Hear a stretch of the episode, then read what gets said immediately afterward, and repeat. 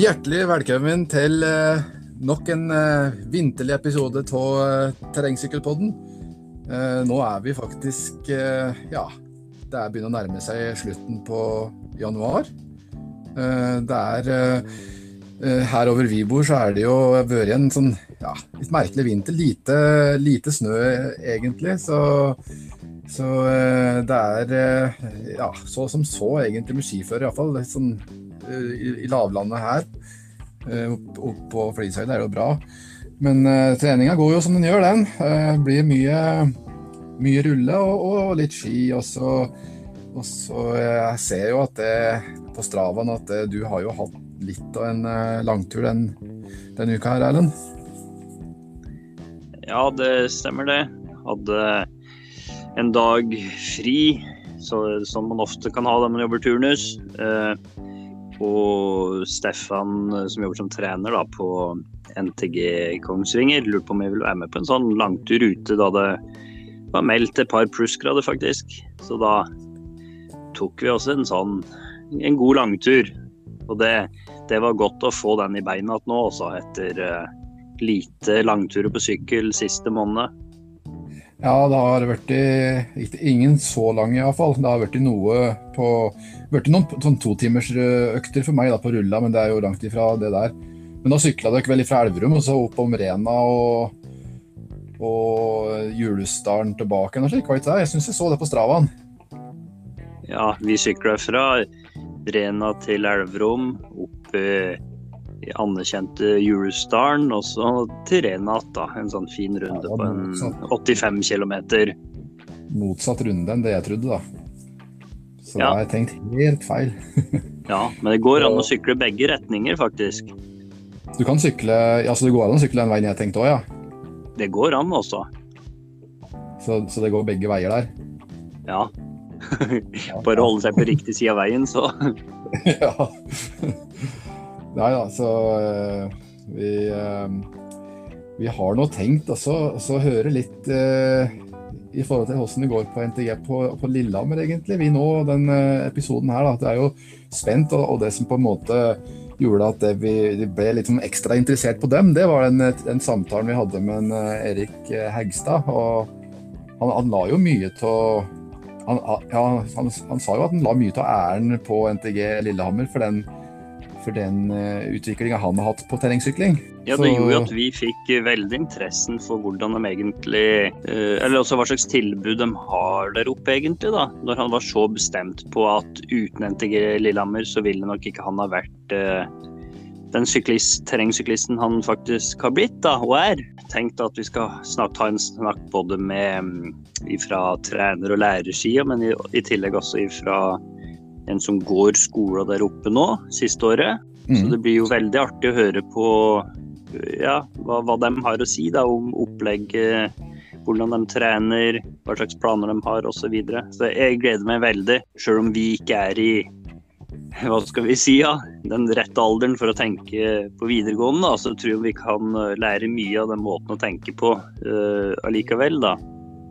Ja, det tror jeg òg. De, de har jo, vi har jo hørt om en del treningsfilosofier og, som, de bruker oppå der, da, som, som eh, er basert på det nyeste innenfor forskning. De er jo, de er jo nært knytta opp mot uh, forskningsmiljøet og drar nytte av, eh, av eh, det siste innenfor, forsk- innenfor forskning på utholdenhetstrening. Så veldig spent på å høre. Skal vi rett og slett bare ringe? Ja, vi, vi gjør det. Da tar vi en prat først med han eh, som er trener og lærer for, eh, på terrenglinja. tar vi en prat med han studenten etterpå. Så da får vi bare håpe alle vil uh, synes det er interessant da, å høre.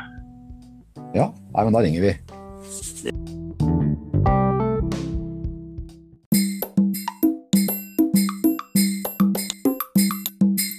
Da har vi med oss eh, Øyvind Bøtun. Han er trener på eh, NTG Lillehammer. eh, Og eh, du har vel jobba der ja, et halvt års tid eller noe sånt nå, har du ikke det? Hei, hei, ja. Ja, jeg er relativt fersk i, i stillingen. Jeg har vært her ifra, ifra 1.8 på NTG Lillehammer. Ja, stemmer. Um, er det sånn at det, er vanskelig å få gjennomført undervisning og trening pga. pandemien nå, eller det, går, det, går, det, ganske greit?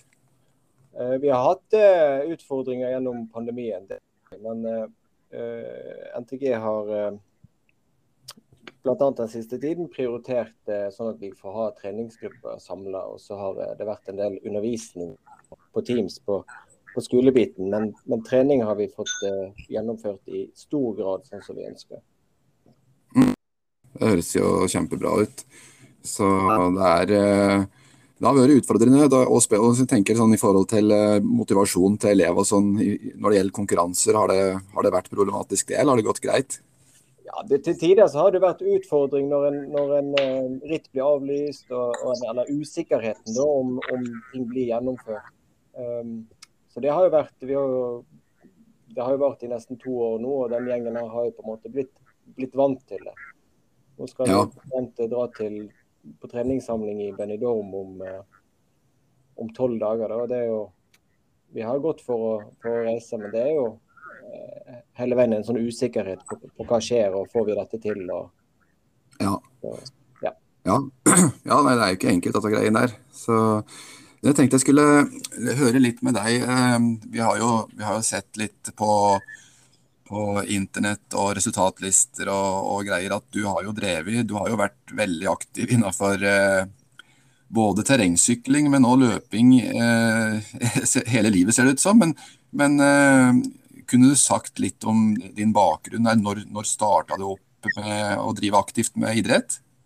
Ja, nei, jeg var jeg er jo uh, født og oppvokst på Vestlandet. Og, og der var det ja, allsidighet. Uh, sykkelbiten kom mye senere, men det var, det var eh, ballspill og masse variert aktivitet ute som, som preger min oppvekst. Og så endte jeg egentlig opp med innenfor fotball i en masse år og spilte på, på brukbart nivå der opp til andredivisjon. Det var egentlig når jeg, når jeg, ga meg der at jeg virkelig eh, fikk eh, hekta på, på syklingen. Så det har på en måte vært eh, de siste ti åra i, i, voksenlivet der jeg har uh, gått, gått, all in for, for, sykkelsporten. Og egentlig ut, utholdenhet generelt. Så det har vært blanda med en del småprosjekt for egen, egen del på løp ja. de siste ti åra. Ja. Eh, er det lov å spørre hvor gammel du er nå, her? Det er lov å spørre.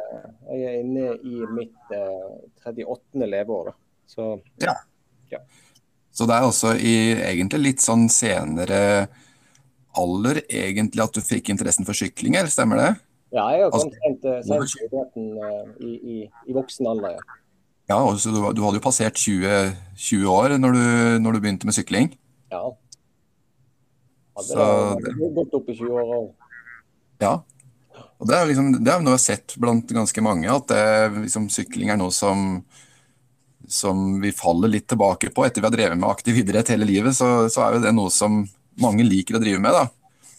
Ja, det er, en, det er, jo en, veldig eh, fin aktivitet både, for, eh, både til transport eh, for mosjonister, supermosjonister og for de som vil, vil, satse sånn som oss. Det er jo, det er jo et utrolig fint eh, framkomstmiddel, sånn som eh, Gotaas pratet om i forrige episode. Så det, det er noe som mange, mange, faller tilbake til i voksen alder, ser det ut som. Ja, det ser eh, faktisk sånn ut. Så, og I tillegg til at det er et eh, kjempefint fremskrittsmiddel, så er det jo det å komme seg ut og få naturopplevelser og, og trening, og, og, det å være en del av en, et sosialt nettverk òg, som, som, som iallfall vi syns er kjempefint med sykling. Ja, det, det, er jeg helt enig i. og Spesielt innenfor terrengsykling så tror jeg at veldig mange setter pris på den, på den uh, naturopplevelsesbiten av å, å, være ute og komme seg ut på sti og i skog eller litt oppe, oppe, i fjellet. Det, det, det, er noe eget med det. Mm. Altså. Apropos å komme seg opp i, i fjellet og, og, skogen. så eh, Du har jo eh, det ser jo ut som at du har konkurrert sammen med kona di òg, på, på Finnmarksvidda? Ja, det stemmer det. Vi hadde et, uh, I 2019 så, så sykla vi denne Offroad Finnmark Mix-klassen. Så den 300 km som, som, vi to deltok i som, som et veldig artig prosjekt i, i fellesskap. Det var, det var en fin, fin, greie å gjøre sammen. Ja, kan du fortelle litt mer om den turen? Var det, hadde dere noen opp- og nedturer, eller var det bare fryd og gammen hele veien? Det var eh, Vi var jo relativt godt forberedt. og, og eh, det, Vi holder jo på lenge. sant? Vi, hvis jeg husker rett, så, så sykler vi vel i 18,5 timer. Så Arbeidsfordelingen var klar. da, At hun skulle uh, trø, og jeg hadde mest mulig av bagasje, mat og, og den slags i sekken. Og så uh, mata jeg henne en, en, gang i timen uh, ca. Uh, så det var overraskende greit jeg eh, tenkte at vi skulle få litt mer nedtur underveis, men vi holdt oss relativt eh, gode venner hele rittet. Så det, det var en god test ja. for ekteskapet. En god test for ekteskapet, og den eh, besto med glans? Ja, vi kom godt ut av det. Ja, så bra.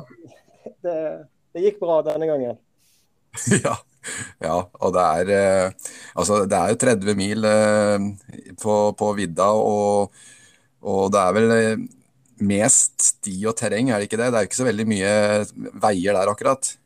Nei, det, det er mest eh, ikke sånn sti som vi er vant til eh, her nede. Det er mer eh, veldig masse sånn firehjuling, ATV-spor, som er egentlig eh, Hvis det er tørt i terrenget, så går det relativt unna bra fart og ikke så veldig teknisk krevende. Men eh, det er jo utholdenheten og stayeren som får bli satt på prøve i, i, det terrenget der. For øvrig et fantastisk uh, som, som, er annerledes enn det mange er vant til her nede. Så jeg anbefaler andre å prøve det samme hvis de, hvis de går med sånne tanker.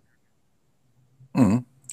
Det er jo noe som jeg og Erlend har prata litt på, at vi kanskje skal delta på en, en gang i framtida. Vi har jo hatt en, en, Jan Christian Haugnes som har uh, vært med og vunnet offroad Finnmark. og det er, en, det er en ordentlig viljetest, altså. Ja da, det er det. Um, samtidig så er det Det går jo ikke i sånn heidundrende tempo som, uh, som, mange av de her rittene på, på én og to og tre timer gjør. Det er mer en Spesielt det lengste som Jan Christian uh, har sykla, det er jo mer enn nesten som en ekspedisjon for Rene. Men mm, er også for dere to å sykle lag på f.eks. 300, det, det tror jeg helt sikkert at dere er i stand, i stand til med gode forberedelser. Det, det gir en, en, mestringsfølelse som uh, en for få andre plasser med, med, at han holder på så lenge. Mm. Ja. ja. Nei, det er, eh, det er, veldig fristende å prøve det der. Så vi har jo, vi har jo så vidt fått uh, uh, testa vennskapet vårt i, i Trans Østerdalen. Vi, vi, kjørte jo der for første gang. Altså, vi har kjørt der flere ganger, da, men, men parklassa kjørte vi jo i, i uh, sist sommer. Og jeg har jo sett på litt på resultatlisten at du har gjort det veldig bra der, du òg? Ja, jeg har deltatt i Trans Østerdal tre ganger. Uh, og uh, det siste året i fjor var vel det beste for egen en del. Og det, da deltok jeg i masterklassen, og det gikk jo ganske bra der, da. Så det er et kjempefint eh, ritt og kult ritt å få tre dager, tre dager med konkurranse. Det syns jeg er helt ja. Reiser gjerne tilbake dit. Ja, det er veldig gøy. Det er kjempeartig med det, de stier og de naturopplevelser man får der. Så det men som, som... flott terreng, og så er det noe med når hele Tynset på en måte eh, står litt på hodet for, for det som skjer. Det, det, blir, eh, det blir veldig fint eh, si, sykkelmiljø i Det er ikke bare rittet, men det, det, er hele pakken som jeg syns er, er kul. Mm. Ja, for Det har jo blitt et ganske bra sykkelmiljø oppe på Tynset der, som på en måte har blitt på en måte kanskje litt til da, pga. den sykkelsatsinga deres med, med den satsinga der. Ja, jeg kjenner ikke så godt til der oppe, men jeg vet jo at det kommer gode, gode syklister derifra òg. Så de, de, har vel drevet godt på. Ja, jeg... Og så har de jo fint terreng å sykle i. Ja, ja, absolutt. Så, men, eh, men eh, for å gå litt over på eh, din, din formelle kompetanse, da. Kan, kan, du si litt om hva slags type utdanning du har? Ja, jeg har jo en litt annen inngang til denne trenerjobben enn enn kanskje det som mange andre har. Eh, jeg har eh, sammen med min eh, altså, idrett som er allsidig og har vært utholdenhet og terrengsykling de siste ti år, så har jeg eh, mastergrad i, i idrettsvitenskap fra, eh, fra Universitetet i Tromsø. Så Mm. jeg har tatt de, den mastergraden der, og så har jeg jobba på eh, det som heter Idrettshøgskolen i nord, da, som er på Universitetet i Tromsø. Eh, fem år der og, og eh, drevet på og undervist i, eh, på, på bachelornivå i, eh, i idrett på idrettsutdanninga der. Ja.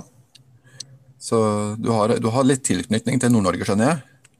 Ja, absolutt. Jeg har hatt uh, mine ti siste år uh, der. Um, vi eh, Jeg har familie derifra, så vi i 2011 så fant vi ut at vi skulle prøve ett år i nord. Mm. Før vi skulle ned igjen, og så ble det, så ble det til ti. Ja, det var det. Stien har blitt litt til underveis, da, men der er det blitt utdanning og, og, og, og jobb innenfor eh, ja, på idrettshøyskole der oppe, da. Og så eh, var jeg heldig å få, få sjansen her nede, som, som tok oss til Lillehammer. Ja, så det var på en måte det som var Altså, du, du var der fram til du, du dro ned på NTG? Ja, det stemmer.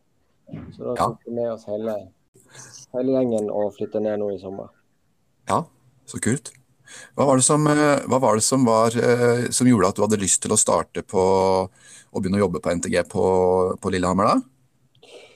Eh, det er jo en eh, Føler meg jo utrolig privilegert som kombinerer hobby og jobb eh, så til de grader. Det er jo virkelig det som har blitt eh, den store lidenskapen som en, eh, som en får lov til å, å drive med og praktisere òg i, i jobb. Da. Sånn at når jeg så den eh, at det var muligheter her, så, så sa jeg meg at det der må jo være eh, drømmejobben. Å få lov til å å holde på med det som en er er så gira på og interessert i. Så, um, eh, så har jeg jo eh, kompetanse innenfor dette som går med idrett, utholdenhet, fysiologi osv. Og, og for å sette det i praksis på så unge, motiverte utøvere som er gira på å utvikle seg. Det, det trigger veldig, da.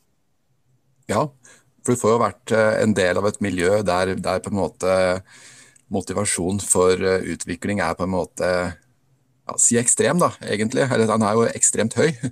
Ja, absolutt. Vi har uh, utøvere hos oss som er, de er veldig uh, motivert, gira og, og dedikert. Da.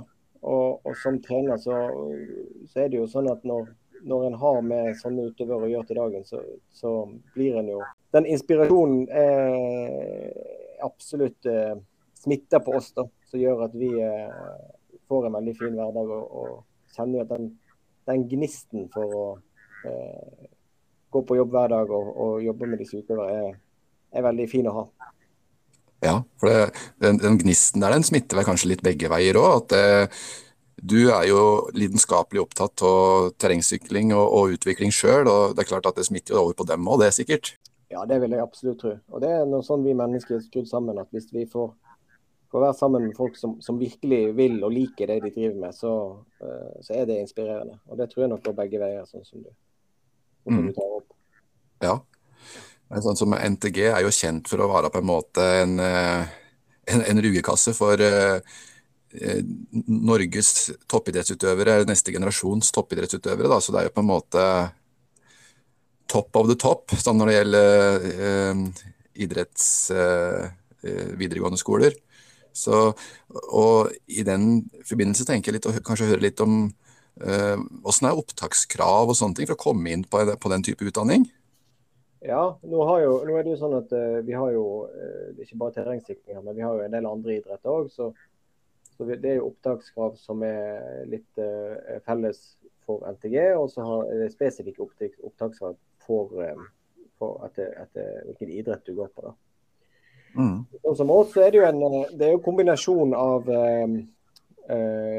karakterer du har med deg fra ungdomsskoler. Mm. Det, det, teller. Og så teller eh, hva skal jeg si, ferdigheter på, på sykkelen. eh, muligens eh, ritthistorikk hvis for de som har ritt, ritthistorikk å vise til. Mm. Og så har vi òg en sånn eh, som går på, på holdninger, motivasjon, eh, glede ved idretten eh, osv. Så sånn, sånn at det blir en, eh, en samlevurdering da, ut ifra eh, ja, hele utøveren og, og hele mennesket for, for, hvem som skal få de. Vi har et begrenset antall plasser hvert år, seks til åtte som vi tar inn. Mm. Så eh, ja. Det er på en måte ganske eksklusivt da, å klare å komme, komme seg gjennom det nåløyet der. Så Ja, fordi, ja.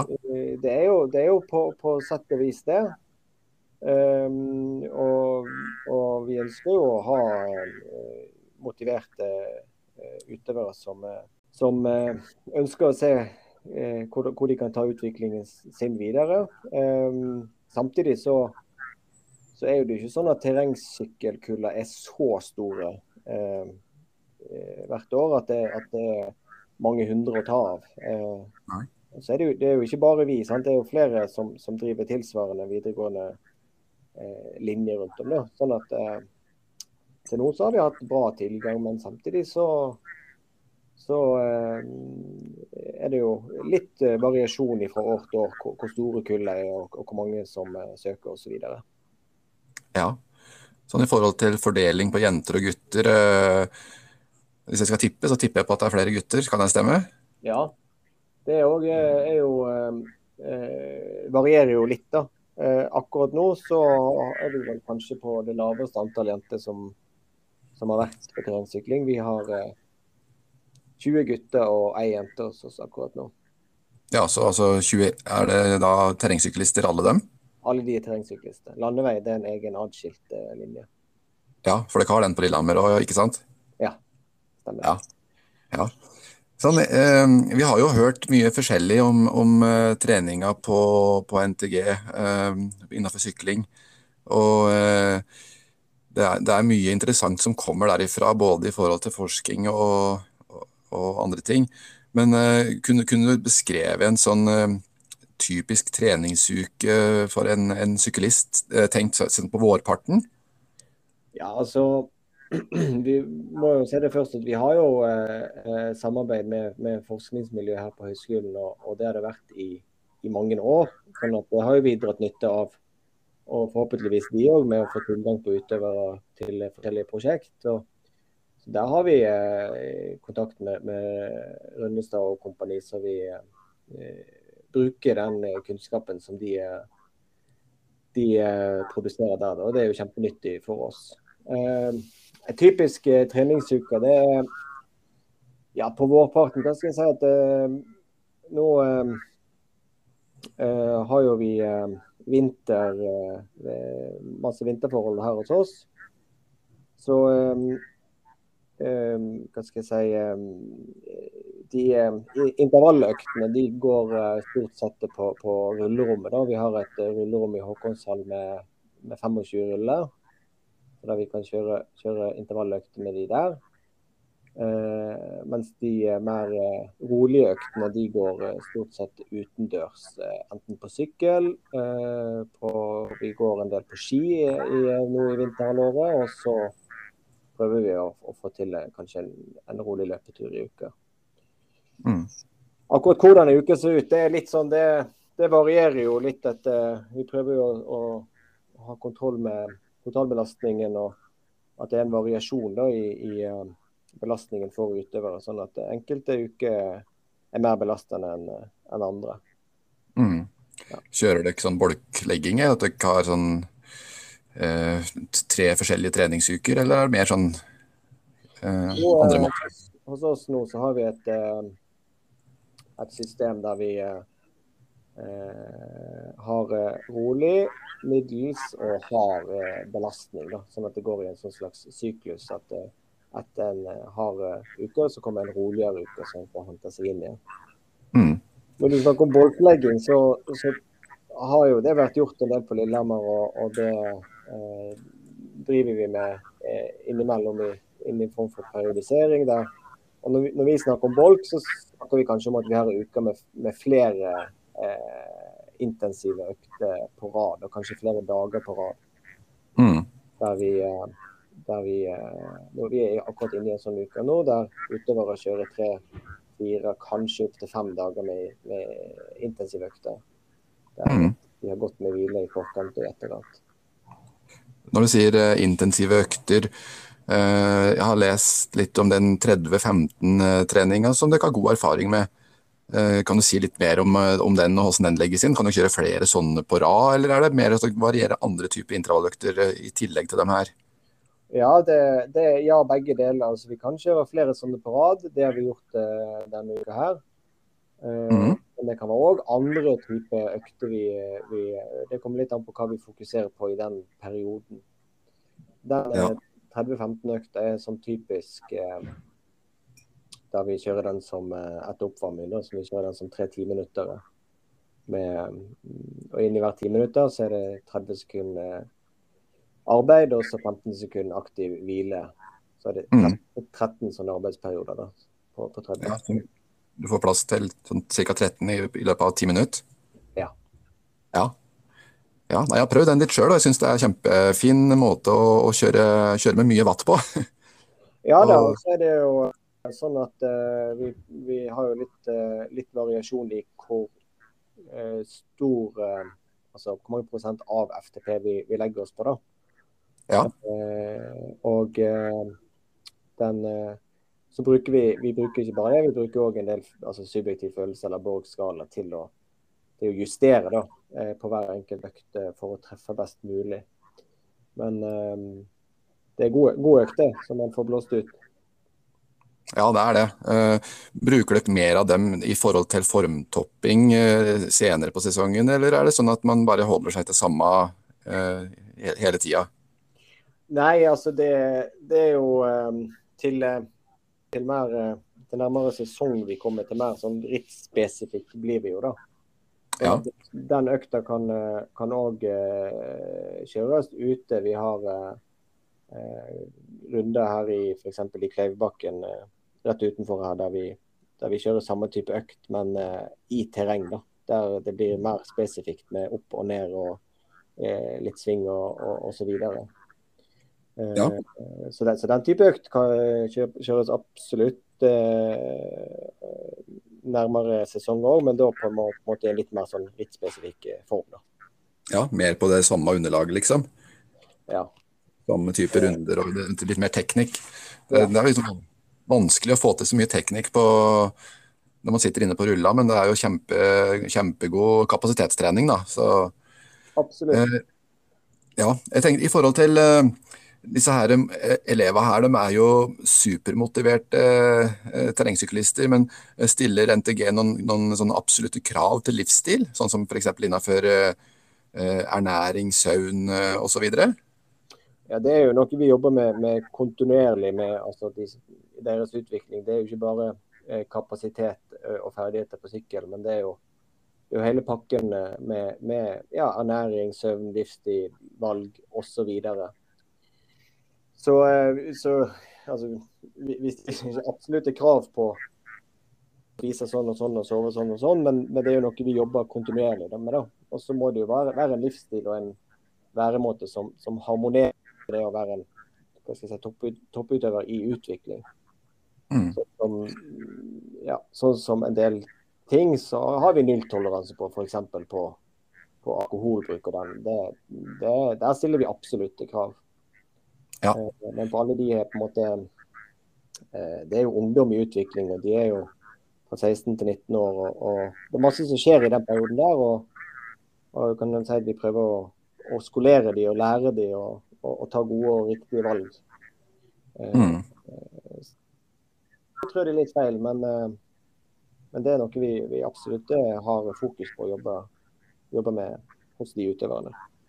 Ja, det er jo veldig viktig også med tanke på ja, både utvikling, men også det her med, med sykdomsavbrekk. Da, for det, livsstil har jo en ganske tett eh, tilknytning til det å holde seg frisk gjennom mye hard trening òg.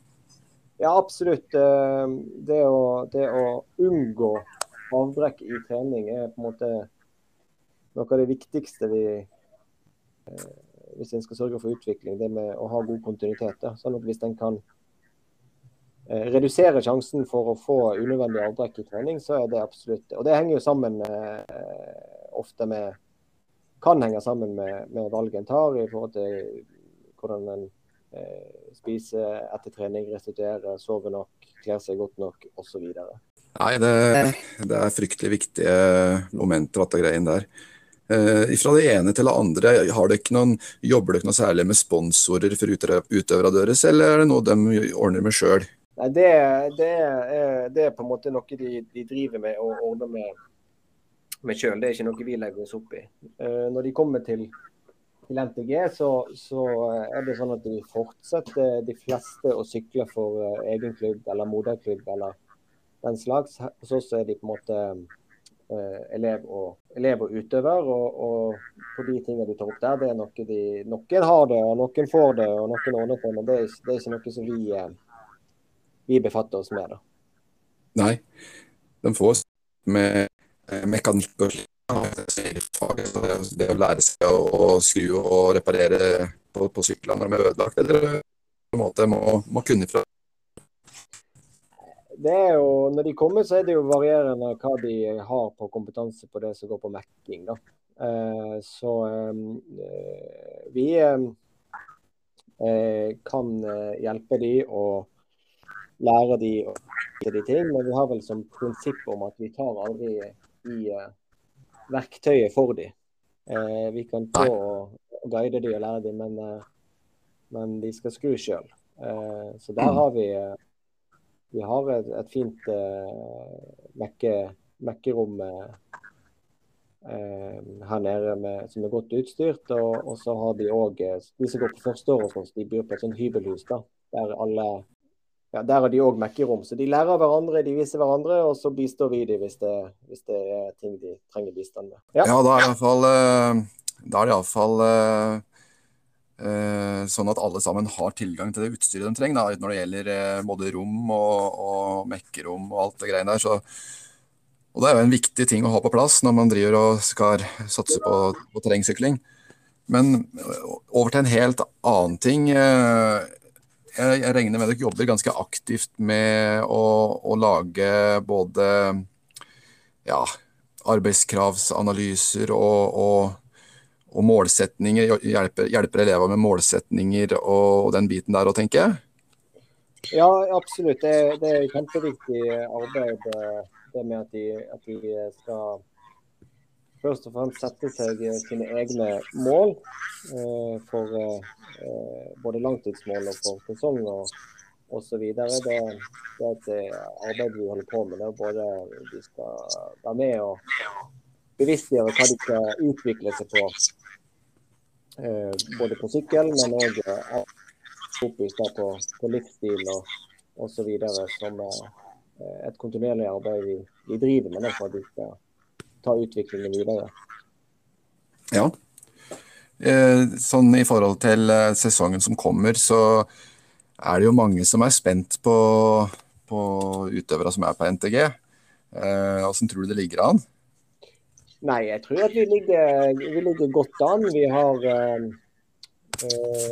på, på, de som går siste år hos oss nå, da, så har vi um, en kar som dere skal snakke med etterpå, som ble tatt ut på, på landslaget. Og så er det vel tre av våre som uh, ble tatt ut på rekruttlaget. Uh, ja, det er jo imponerende. Ja, av de som går på siste året, da. Uh, og så har vi mange flotte talent i utvikling som, eh, som eh, eh, fyller på etter og, og, er kjempespennende som, som kommer opp.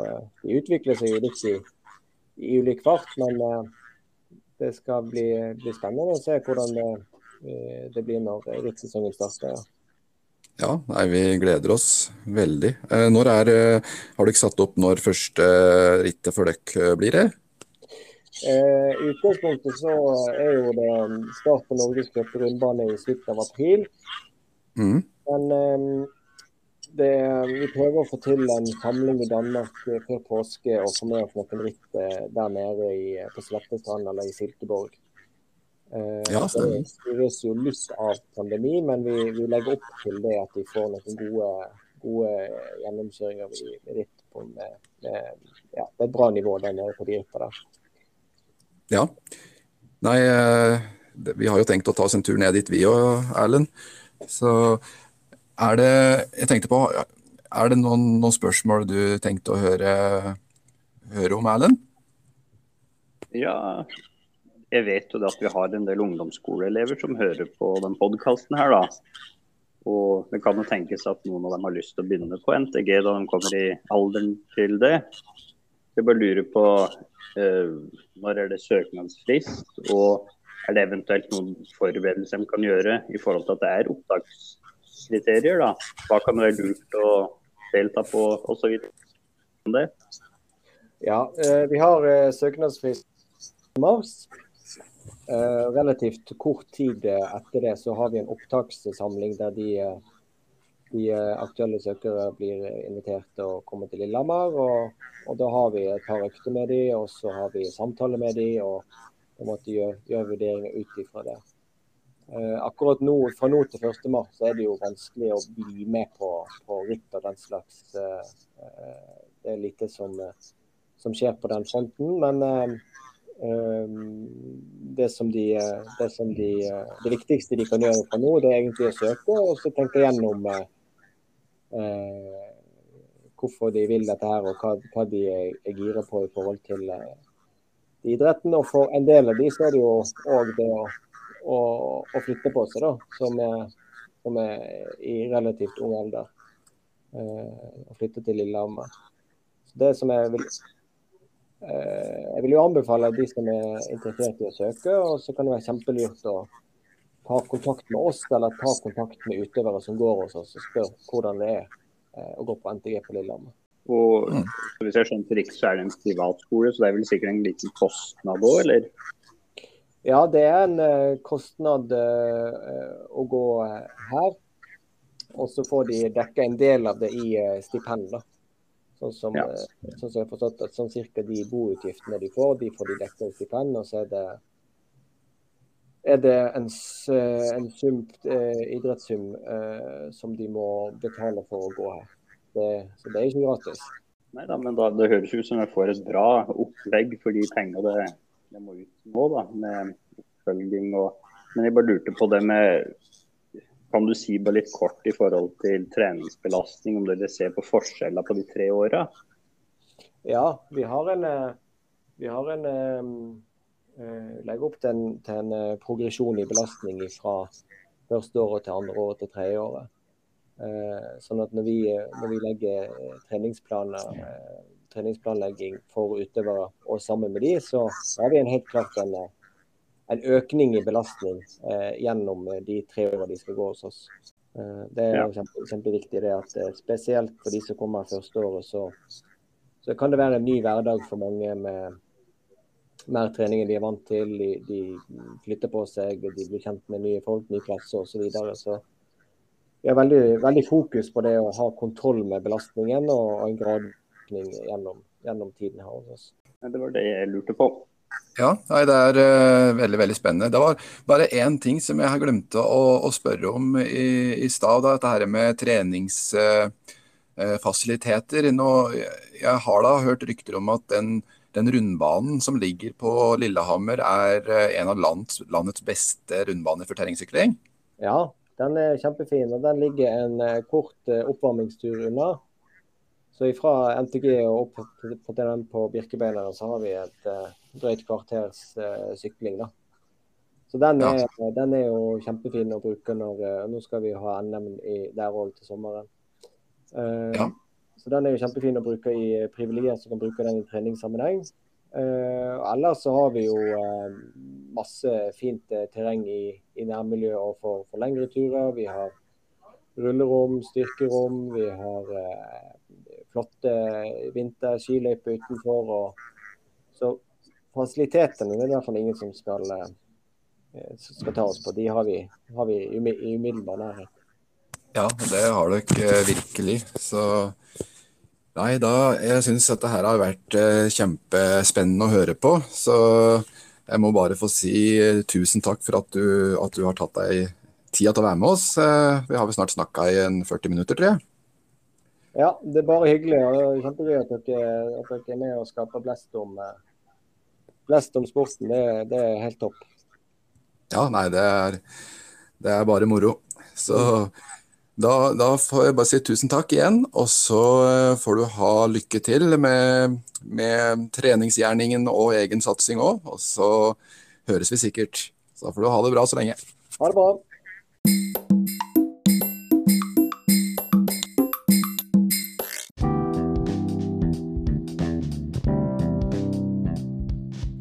Det var uh, utrolig artig å høre hva han, uh, Øyvind hadde å si. Det, han har uh, utrolig mye erfaring både som både innenfor idrett og, og de siste ti åra som, som terrengsyklist på Ja, jeg vil si Man kunne sagt supermosjonistnivå, men jeg vil, det, vil, nok kalle det litt høyere enn det òg.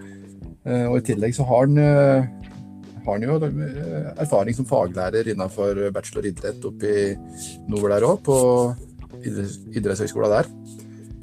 Så ehm, jeg har eh, virkelig trua på han som, som, trener på NTG der. Jeg tror de eh, elevene og studentene som får han som trener og lærer, virkelig er heldige, altså. Å få, få en person som er så interessert i faget sitt, og som på en måte driver litt aktivt sjøl. Altså, vi snakker jo her om en kar som sykler Birken f.eks. på godt under tre timer. Han uh, deltar på noe av de grøvste terrengritta. Han nevnte på Offroad Finnmark. Jeg vet at han var påmeldt og deltok på Furusjøen rundt. Han, han sykler Transøsterdalen. Altså, jo grøvere, jo uh, Jo bedre sykler han, da, virker det som. Og ja å, å, ha en sånn, sånn, lærer da, som kan vise vei, og samtidig som jeg tror han klarer å forstå hvordan uh, elevene har det, da, hvordan de tenker.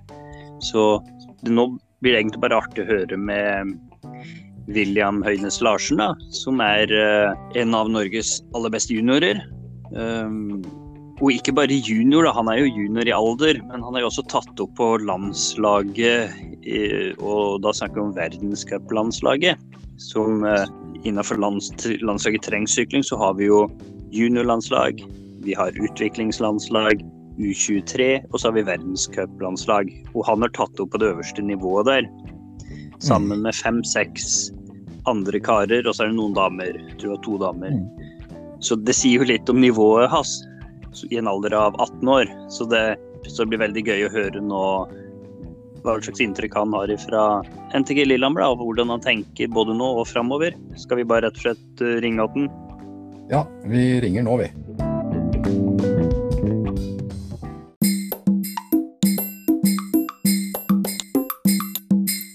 Ja, da har vi med oss William Høynes Larsen, som sykler for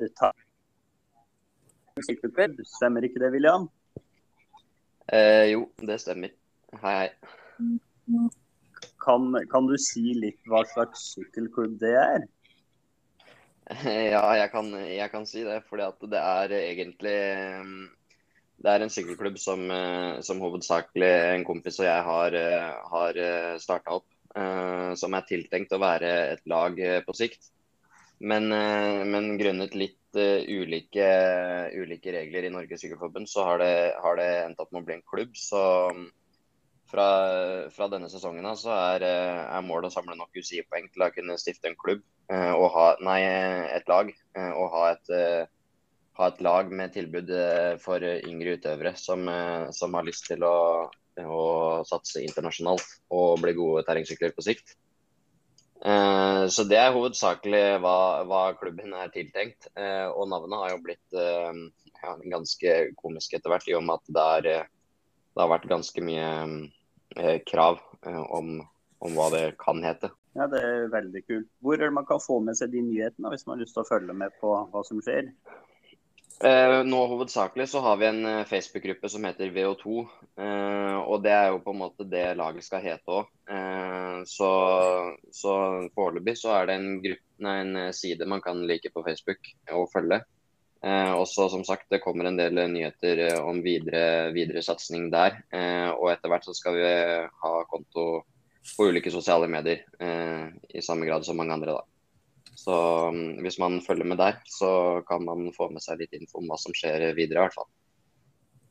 Ja, Nei, men det er Mm. kult. Um, men du, du skal vel begynne å sykle på et nytt lag i, i sesong 2022 òg? Har ikke du blitt tatt ut på laget på land? Jo, jo. så det, det, det er en veldig stor stas, det. altså. Og så blir det jo for første gang eh, under vingene på, på det hovedlandslaget, det worldcuplandslaget. Eh, så det blir veldig gøy. Og jeg ser veldig lyst på, på ting som det ser ut nå. Eh, og veldig spent på hvordan det, det blir å være førsteårs eh, U23 og konkurrere, konkurrere en del worldcuper og forhåpentligvis mesterskap. Eh, og sånn sånn det ser ut akkurat nå, så, mm, så tror jeg det kan bli eh, veldig spennende og lærerikt. eh, Og ikke minst eh, bra. Så Det er jo litt av grunnen til at jeg sitter på hjemmeskole nå. At vi har, vi har allerede en samling med litt fysiske tester og helsesjekker og litt sånt nå den kommende uka. Og, men du har vel litt erfaring fra utlandet òg? Ble ikke du nummer 15 i rundbane-VM for juniorer i Italia i fjor?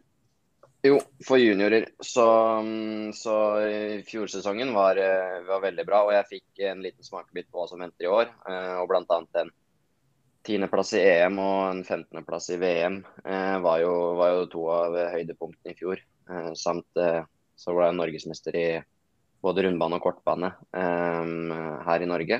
Og så sammenlagtsserie i Norgescup. Så det, det, var, eh, det var en veldig bra sesong i fjor. eh, Og det gir jo en bra forsmak på hva som venter i år, vil jeg tro. Så hovedfokus blir jo i første omgang å samle nok UCI-poeng til å ha forutsetninger for å kjøre bra, bra, bra resultater, i hvert fall som andre- og tredjeårs eh, U23. da. Da får vi håpe at du klarer å følge opp alle de gode prestasjonene i fjorårssesongen. Har du Holdt du deg skadefri og sykdomsfri i sesongen i fjor, eller? Ja, jeg har egentlig hatt veldig bra kontinuitet i treningsarbeidet nå, nå egentlig siste året. Så, så det er jo litt av grunnen til at det ser bra ut nå, nå foreløpig. Og så ja, egentlig hatt bra kontinuitet, ja. Ja. Hvis jeg skjønte riktig, så er du 19 år, stemmer det? Jeg er 18 år og blir 19 år nå i mars, ja. Så, I mars, ja. Mm. Så du går siste året på NTG. Siste halvår på NTG nå fram til sommeren, ja. Ja. Og hva, hvordan ser du for deg etter sommeren? da? Tenker du at syklinga blir heltidsgeskjeft? Eh, ja, det, det gjør jeg. Og så kommer jeg til å studere ved siden av. Eh, men, eh, men jeg kommer til, å, kommer til å søke om en sånn toppidrettsstatus, sånn at man får tilrettelagt litt studie ved, i tillegg til satsinga som blir hovedpri. Absolutt. Ja. ja men da blir det veldig spennende å følge med. Det er artig at det er noen som vil satse litt òg. Ja, og det begynner jo å bli sånn eh, hvis man ser på norsk sykkelsport, eh, særlig terreng, terrengbiten, da, så har det jo har det jo vært en veldig voksende trend de siste åra. Så det er åpenbart flere som er lystne på det. Så det, det ser veldig bra ut. Og det er kult, Ja. det, altså. Men når var det du på en måte fikk interessen for sykling sjøl, og når bestemte du deg for at dette var noe du ville satse litt ordentlig på, da? Em, det var vel hovedsakelig når jeg var rundt, eh, rundt eh, ti år. Jeg spilte fotball egentlig litt diverse, og så, så, så begynte jeg vel gradvis å få opp øya litt for sykkel. eh, I forbindelse med litt sånn allidrett på, på ski og sånne ting. Eh, og siden det så har egentlig, har egentlig sykling vært noe jeg elska å drive med. Både i terreng og på vei, og egentlig sykkel generelt. Eh, og så var det vel, eh, var det vel eh, lenge et mål eh, å komme inn på NTG da, eh, ganske, fra ganske tidlig av. Eh, så det var noe jeg jobba målretta mot, mot å få til lenge, helt til jeg kom, kom inn på NTG. Og siden det så har man jo hele tida bare prøve å sette seg nye mål og ting å se fram til. Da. Så, så NTG har på en måte vært, vært et veldig, veldig stort høydepunkt sånn sånn foreløpig, da, eh, i min eh, Så lenge jeg har sykla. Ja.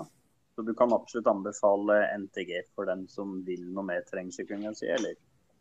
Ja, definitivt. Og det er, jo, det, er, det er, jo, absolutt en fin måte å kombinere skole og idrett på. og Man får jo et veldig tilrettelagt, tilrettelagt opplegg eh, på NTG.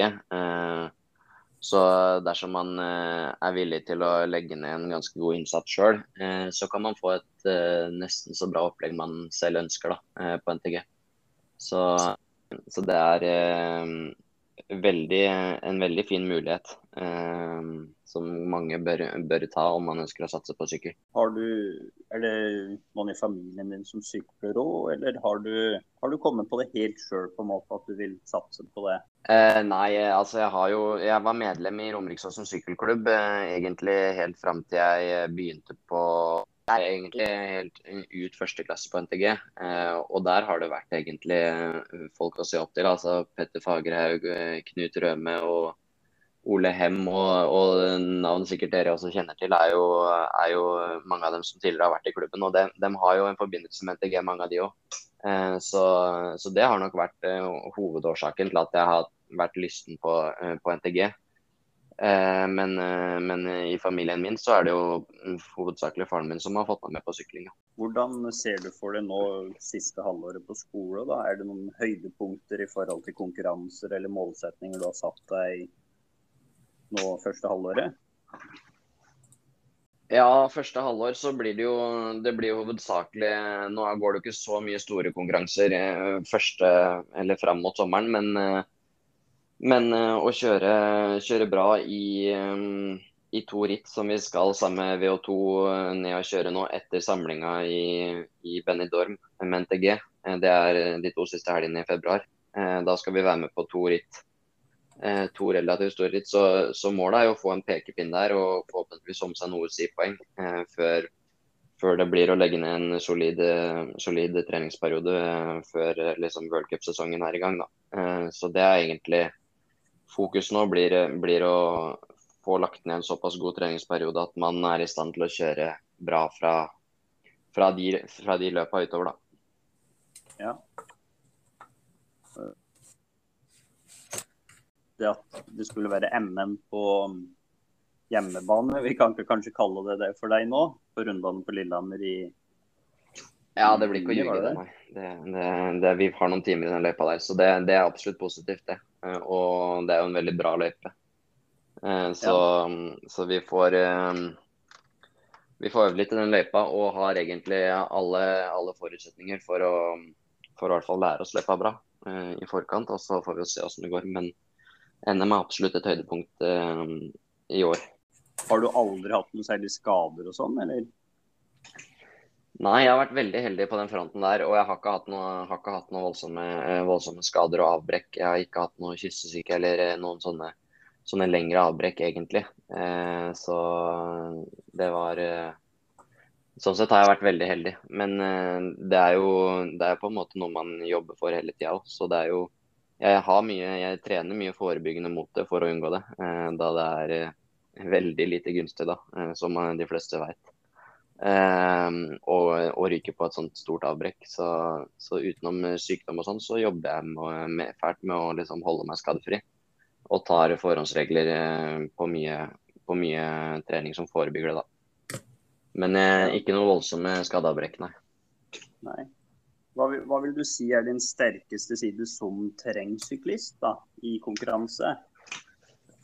I konkurransesituasjonen så vil jeg vel kanskje si at uh, det er kanskje er litt uh, det mentale aspektet rundt hele konkurransesituasjonen. At jeg, jeg blir veldig sjelden stressa på ting. Uh, og det har jo vist seg egentlig flere ganger at jeg er veldig, veldig At jeg er um, Jeg føler jeg på en måte har Så lenge jeg følger planen min, så har jeg på en måte kontroll. I den forstand at jeg blir lite stressa og egentlig ja, det er ikke så mye det er ikke så mye som, um, som setter meg ut av spill, så lenge jeg har uh, delvis kontroll. Så, så, det vil jeg nok kanskje si er kanskje den sterkeste siden min. At uh, det er det mentale aspektet da, i en konkurransesituasjon. Som jeg, jeg, leste litt om den eh, da du ble nummer 15 da, i Val di Sole i Italia, så skjønte ja. du sånn at du hadde ligget ganske langt bak ut fra starter, stemmer det ikke det? Eh, jo, det stemmer egentlig veldig bra. Det var faktisk helt sist, så det, det, det stemmer bra. Det gikk en velt. Eh, jeg starta vel som nummer hadde starta med 64. Eh, så jeg starta vel på åttende rekke eller noe sånt eh, i utgangspunktet. Så det var vel sånn rundt eh, blant, blant de 30% siste, men så gikk det vel rett foran meg, så da havna jeg rett, rett, bak den. Eh, og blei egentlig hindra såpass at jeg havna helt bakerst inn i første bakke. Eh, så, så, akkurat det løpet på det, de første rundene der var eh, veldig frustrerende. sånn i forhold til at det var, det var Jeg sto helt stille og så på de andre som lå foran meg sykle oppover langt opp i der. Så det var Akkurat da var jeg litt sånn det var, det var frustrerende. Men, eh, men eh, ja. da må man jo på en måte bare innse realiteten og jobbe med, med saken sånn den er der eh, og da, og gjøre det beste ut av ting. Så jeg fikk jo jeg fikk jo krabba meg litt oppover i feltet, og siste, siste runde her hadde jeg vel Jeg lå vel blant de raskeste rundetidene de to siste rundene, så det var veldig oppløftende og har jo gitt meg mye sånn litt sånn ytre motivasjon nå i senere tid. da, At, um, at de siste rundene da var såpass uh, bra. Uh, og ja, de viser jo egentlig at, uh, at, det, at, jeg har mye potensial, og at det kan, det kan gå fort da, dersom det, um, det er litt mer lykke inn i bildet. Ja, jeg også har det vel litt med Hvis man presterer, har resultater, så får man vel starte lenger fram etter hvert òg, er det ikke sånn da? Jo, og det er litt tilbake på de poengene jeg snakka om i, tidligere. Det er UCI-poeng som avgjør hvor, hvor, langt fram man kan starte da i et rundbaneritt. Så, så om, man, eh, om, man, er eh, kjører ritt eh, som har mye UCI-poeng og kjører bra der, så, så, starter du langt fram. Og det er i noen løyper veldig avgjørende, mens andre løyper kanskje litt mindre avgjørende. Men selvfølgelig en fordel. Hva, hva tenker du liksom? Tenker litt på lengre liksom hovedmålene dine hvis man tenker sånn femårsperspektiv? Hva er det du ser for deg å klare, kanskje klare å oppnå på de åra? Eh, hvis vi prater i femårsperspektiv, så er jeg jo egentlig um, nesten Ja, da er jeg jo førsteårs uh, senior. Uh, men, men, i løpet av de fem åra så har jeg jo selvfølgelig lyst til å vinne, vinne ritt på, på U23-nivå. Eh, sånn, eh, sånn i de samme baner som Petter Fagerhaug har gjort. Eh, og liksom uh, være med å prege, prege Rita helt i toppen. Uh, I hvert fall de to-tre to, to, siste åra som U23. Uh, eh, så, så, planen er å um, egentlig jobbe mot det. At, at det, det, blir å være i, i verdenstoppen blant U23-utøvere på terreng. så jeg føler på en måte at det er en veldig, veldig fin fin greie at jeg får, får, muligheten til å bli med på landslaget fra så tidlig av. At jeg kan egentlig bare høste erfaringer og se, se hele tida hva som skal til da, eh, for, å kunne, for å kunne kjøre på sikt. Eh, da er jeg forberedt og innforstått med hva som, hva som kreves. da. Så mm, det er absolutt det som er målet. Eh, og enda selvfølgelig, som veldig mange andre, å bli, bli best da, av alle. Ja, men det, Du høres jo veldig målbevisst ut. da, og at du, du, vet jo allerede nå egentlig hva som kreves for å prestere på veldig høyt nivå. Vi ser jo på resultatene dine at du, du er jo Du vet jo hva som skal til. Um, men så ser det ut som du har drevet og sykla litt uh, cyclocross òg. Ja, det, det, stemmer. Jeg, jeg er veldig glad. Er det, er det noe, en konkurranseform du syns er veldig artig? Som kunne drive med det òg? Nei, det er som jeg har sagt litt tidligere, at jeg er veldig glad i all form for sykling. Men uh, konkurranse spesielt er jeg jo ganske, er jo ganske begeistra for. Så, så, det er absolutt noe jeg liker, men kanskje hovedsakelig mest for det treningsaspektet. Det er jo veldig fin måte å vedlikeholde mange gode sånne uh, Ja, kall det Kall det momenter i treninga, da. Du kan liksom si um, alt, alt, du trener på i konkurransesituasjonen, får du vedlikeholdt i et CX-ritt. Så det er jo en, hvis du får kjørt regelmessig cyclocross på, på, på høstparten, så, så, tror jeg du har gode forutsetninger for å ikke, ikke falle så mye i form. Eh, sånn, eh, sånn, i perioden, før man eventuelt skal begynne å jobbe med å ta nye steg gjennom vinterhalvåret. Så jeg tror eh, sånn treningsmessig så er det en veldig fin greie, og så er det jo ikke minst morsomt, da.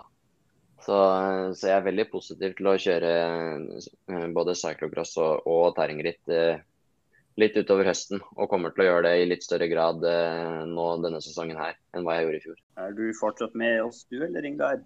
Ja, jeg sitter og lytter her med interesse. Jeg syns det er veldig spennende å høre på. Så En ting som jeg, som jeg bet meg merke i, som jeg har tenkt litt over, og som jeg syns er veldig, veldig rått, det er denne her at det, du satser jo eh, I tillegg til å satse som en toppidrettsutøver, så ser du også for deg å danne et, eh, noe som etter hvert kan, kan nesten bli et profflag da, eh, for unge, unge utøvere, og, det, og innenfor terrengsykling. Og det finnes jo ikke i Norge per i dag, sånn, det, sånn som jeg ser det.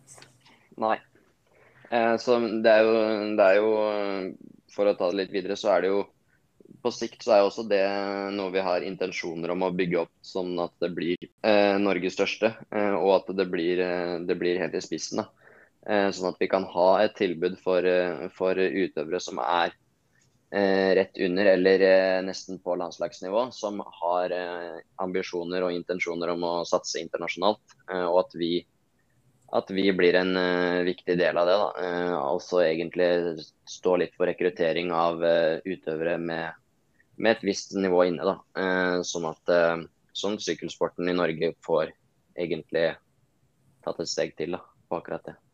Ja, for, det, for det, det mangler jo noe der. Det, det, er ofte sånn at unge utøvere på veldig veldig høyt nivå etter hvert blir headhunta av landeveisteam. Eh, ja. Litt pga. akkurat at det, det, det mangler den satsinga der innenfor terrengsykling. Så det er jo mm. svært gledelig at du nå, liksom allerede i den alderen du er nå, eh, ser for deg det. da, Og allerede har starta opp. Ja, eh, og som sagt så er det, setter vi veldig pris på om folk har lyst til å følge med litt. Allerede fra den Facebook-sida så kommer det så kommer det ganske mye nyheter nå, nå utover eh, som vi er godt i gang med, som vi med sikkerhet kan si at det er ganske lovende for, Eh, for eh, yngre utøvere nå på sikt, eh, og på kort sikt. Så Hvis man skal gå inn på Facebook og søke, og søke etter, etter, det, hva, hva skriver den da? Eh, VO2. Eh, eh, så skal det komme opp en, en side du kan følge. Dobbelt VO2? Jepp. Skal vi se her, her har vi et satsingslag for terrengsykling, cyclocross og landeveier. Absolutt. Ja. Stemmer. Ja, men det er jo kjempegøy. Da regner jeg med at du kanskje ser for deg at, eh, at jeg og eh, Erlend kanskje òg blir jo viktige ryttere på det laget der, tenker jeg. Ja, absolutt. Det, og når det kommer til det rekrutteringsaspektet av yngre utøvere, så må jo det være bullseye, det. Ja, for vi er jo innafor når det gjelder yngre utøvere. Ja, ja det var det jeg tenkte på. Neida. Ja, nei, vi, vi, har jo tenkt å prøve oss opp på, opp på Lillehammer etter hvert, vi òg, på, på, NM rundbane i master for vår del. Da. Så da ja, ja. regner jeg med at du stiller hybelen din til disposisjon for oss. ja, ja, den, dere, dere, kan bare Det er bare å ta for seg, for å si det sånn. Ja. Det, er, det, er, bare å bli med på løypegjennomkjøring og alt som er, så, så skal vi få til noe bra opplegg der. Det hadde vært veldig kult å lage en ekstra, en ekstra episode om akkurat, eh, akkurat det. Og det, det, skal vi garantert gjøre òg. Ja, det er veldig kult. Men vi må nok opp og trene litt på løypa først, for det, vi er vel litt mer sånn chickens vi i forhold til de som kjører der daglig. Så, ja, det, det vet jeg ikke, men Hvordan vil du klassifisere den løypa i forhold til sånn som andre? Sånn, for å ta et eksempel, sånn som Elverum-rundløypa. Eh, tenkte du på Brumunddal? Eller eh, Nå har jeg ikke vært i Elverum. Nei, Du har ikke vært i Elverum, nei? Nei, men, eh, men i forhold til andre, andre norske terrengsykkelløyper, så er det nok den mest uh, fysisk uh, tøffe løypa med norgescupstatus. det er vel sånn, sånn høydemetermessig så er det nok den med, med mest høydemeter, og så er det Den byr jo på en del tekniske elementer. Så det, det er skal man kjøre fort der, så må man ha mange egenskaper som eh, tilsier at du kan kjøre fort eh, også på, på løyper med World Cup status, så mm, det er, en veldig bra løype. Eh, og relativt bra ville vært en løype med relativt bra nivå sånn sett i internasjonale øyne òg. Ja, ikke sant. Så mm. Eh, mange løyper bygges jo ofte litt sånn familievennlig, og, og at man lager Eh, en sånn eh, noen enklere løyper ved sida av, som, som, man slipper å kjøre de A-elementene, eller hva det kalles for noe. Så, ja. Så, det, er, det, er, jo det på Lillehammer òg. Uh, og det er jo muligheter for å kjøre, for å kjøre de chicken binesa. Men, uh, men uh, akkurat i den løypa så er ikke det så veldig fordelaktig. Altså. For den, masse tid, det. Er litt, det er mjølkeruta, for å si det sånn. Ja, ikke sant. ja. Så Nei, men jeg syns dette her har vært kjempegøy. Og så Ja, i like måte. Ja, og så, og så, har jeg lyst til at vi holder kontakten utover, ja, for det, og så følger litt med på hvordan utviklinga di går og, og, hele pakka. Så, ja, det er veldig hyggelig. Ja, så, så får jeg bare si tusen takk for at du tok deg tida. Og så vet jeg ikke om du har noe mer du, Erlend, å spørre om? Nei, det er jo bare å si takk, ja. Og så, som du sa, håper at vi kan få noen tilbakemeldinger hvis du har deltatt på noe ritt både i utlandet og i innlandet, skulle jeg si. Så det skal bli det minste problemet. Og så kan dere jo som sagt bare ta og følge litt med på den sida. Så, så, skal vi normalt sett prøve å sende litt livesendinger og sånt fra ritt både innenlands og utenlands. Eh, og så kommer vi med litt oppdateringer og bilder på, på samlinger og sånn. Vi har fått med egen fotograf nå som, eh, som, skal være med litt rundt og lage litt kul, eh, litt kul content. Så jeg, jeg, skal, jeg, skal, holde dere informert, og så kan dere jo følge med litt der. Og så setter jeg veldig pris på å få være med her. Tusen takk for det. Jo, det er vi som skal takke. Så da får du ha en uh, kjempefin treningsuke, og så, uh, og så, snakkes vi, vet du. Jo, tusen takk i like måte. Ha det bra, da. Ha, ha det godt.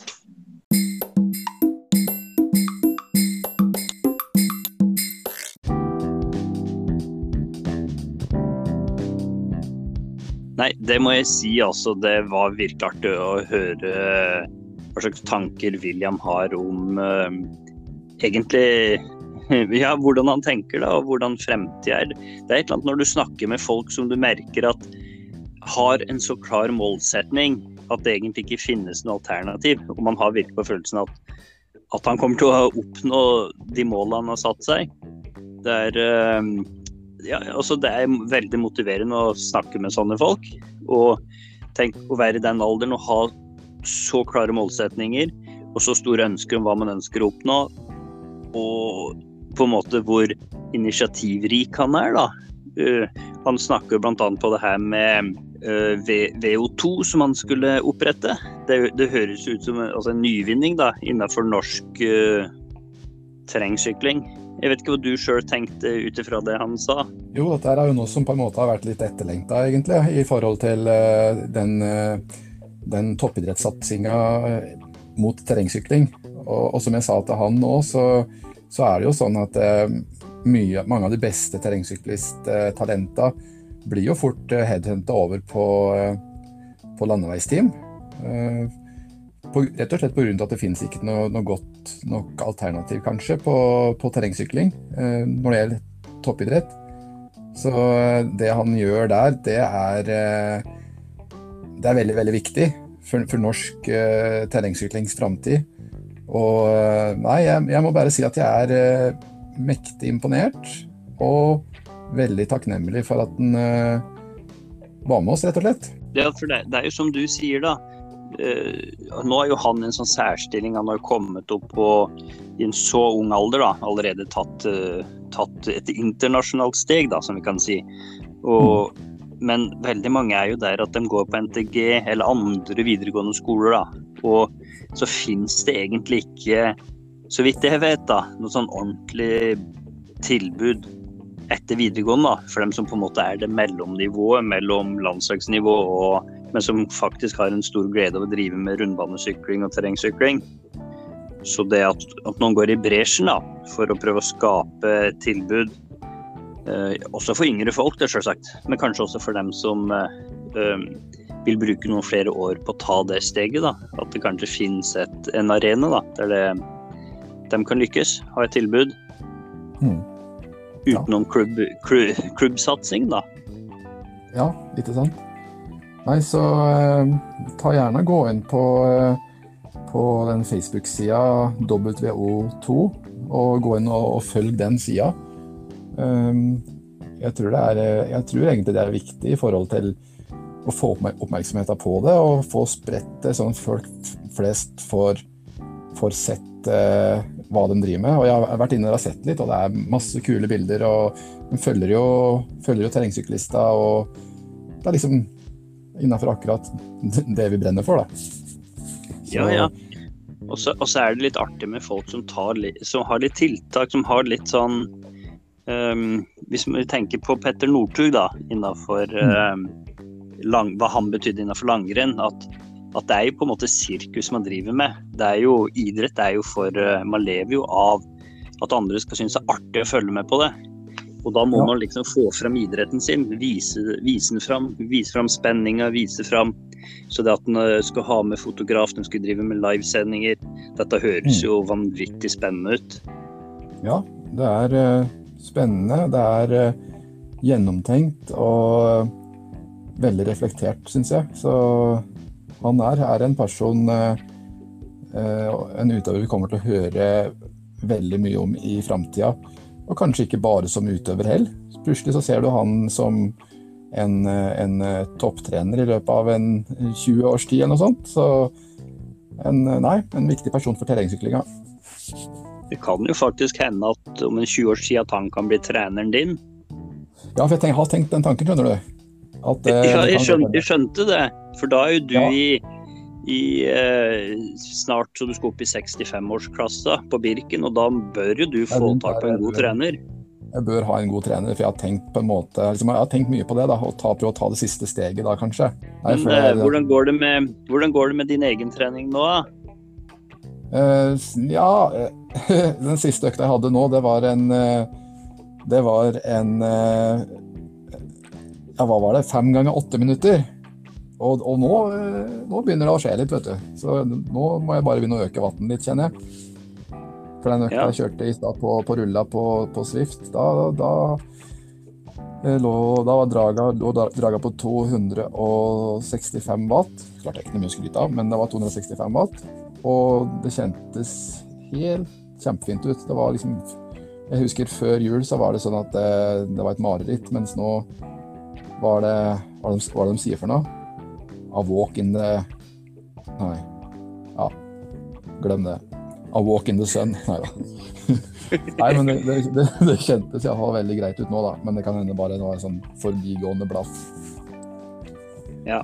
Så vi får se. Nei, men det er, jo, det er, jo, godt å høre at man kan oppleve uh, fremgang, da. Og det er jo kanskje riktig nå da, på denne tida av året at man begynner å merke at uh, formen begynner å komme litt. Sånn etter noen tunge treningsmåneder, da. Altså hvis man tenker på hvordan føre og vær og mørke og alt det her.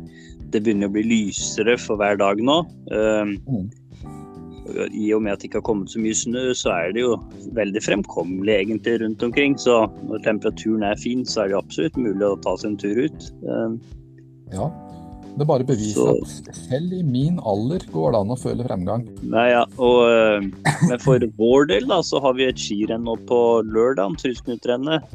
Det, ja. det vil jo bli spennende å se hvor mange som dukker opp der. Ja, det blir veldig spennende. Så nå fikk jeg akkurat mail fra Skiforbundet. Du så jeg la ut den på Messenger. Ja det, det er, altså, deltakerbegrensningen eh, er blitt fjerna nå.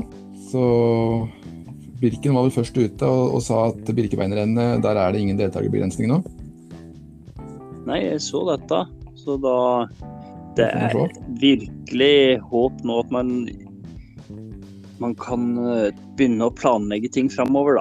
At den treninga man legger ned kan resultere, resultere, i gode resultater på ritt. For det mm. sånn som har vært de to siste åra, så har vi aldri visst om det blir ritt eller ikke, eller om det blir sesong. For det ja.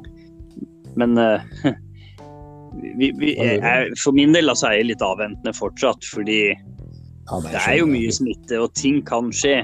Men det, ja. sånn er det. Sånn er det. Vi så vi får bare følge retningslinjer, og så får vi bare være fornøyd så lenge det holder. Så du ja, du trener, men det går bra for deg òg, treningsmessig?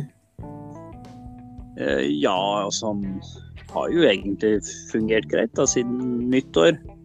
For ja. um, jeg har jo, som jeg kanskje har pratet på før, da, nå i snart to år gått i en sånn koronastilling. Uh, den var det slutt på nå fra 9.1. Ja. Og hvis det blir sånn at det blir muligheter for å um, sykle ritt, og da har jeg absolutt tenkt å legge ned den innsatsen som skal til da, for å prestere bra på de ritta. For nå har jeg, jeg tilbake i en litt, mer, eh, litt mindre hektisk hverdag. Da. Så da er det mulighet for å få noen gode økter. Ja. Nei, så Jeg ser er lyst, lys på fremtida. Ja, kjempebra. Nei, men eh, da er det vel egentlig bare å, å eh, ønske alle sammen en, eh, en fin treningsuke. Så, så får vi ta også komme med en ny episode på, på mandagen som kommer, så da, da høres vi jo mer da. Så da eh, Ja, da, da får alle sammen ha det bra så lenge. Ha det bra.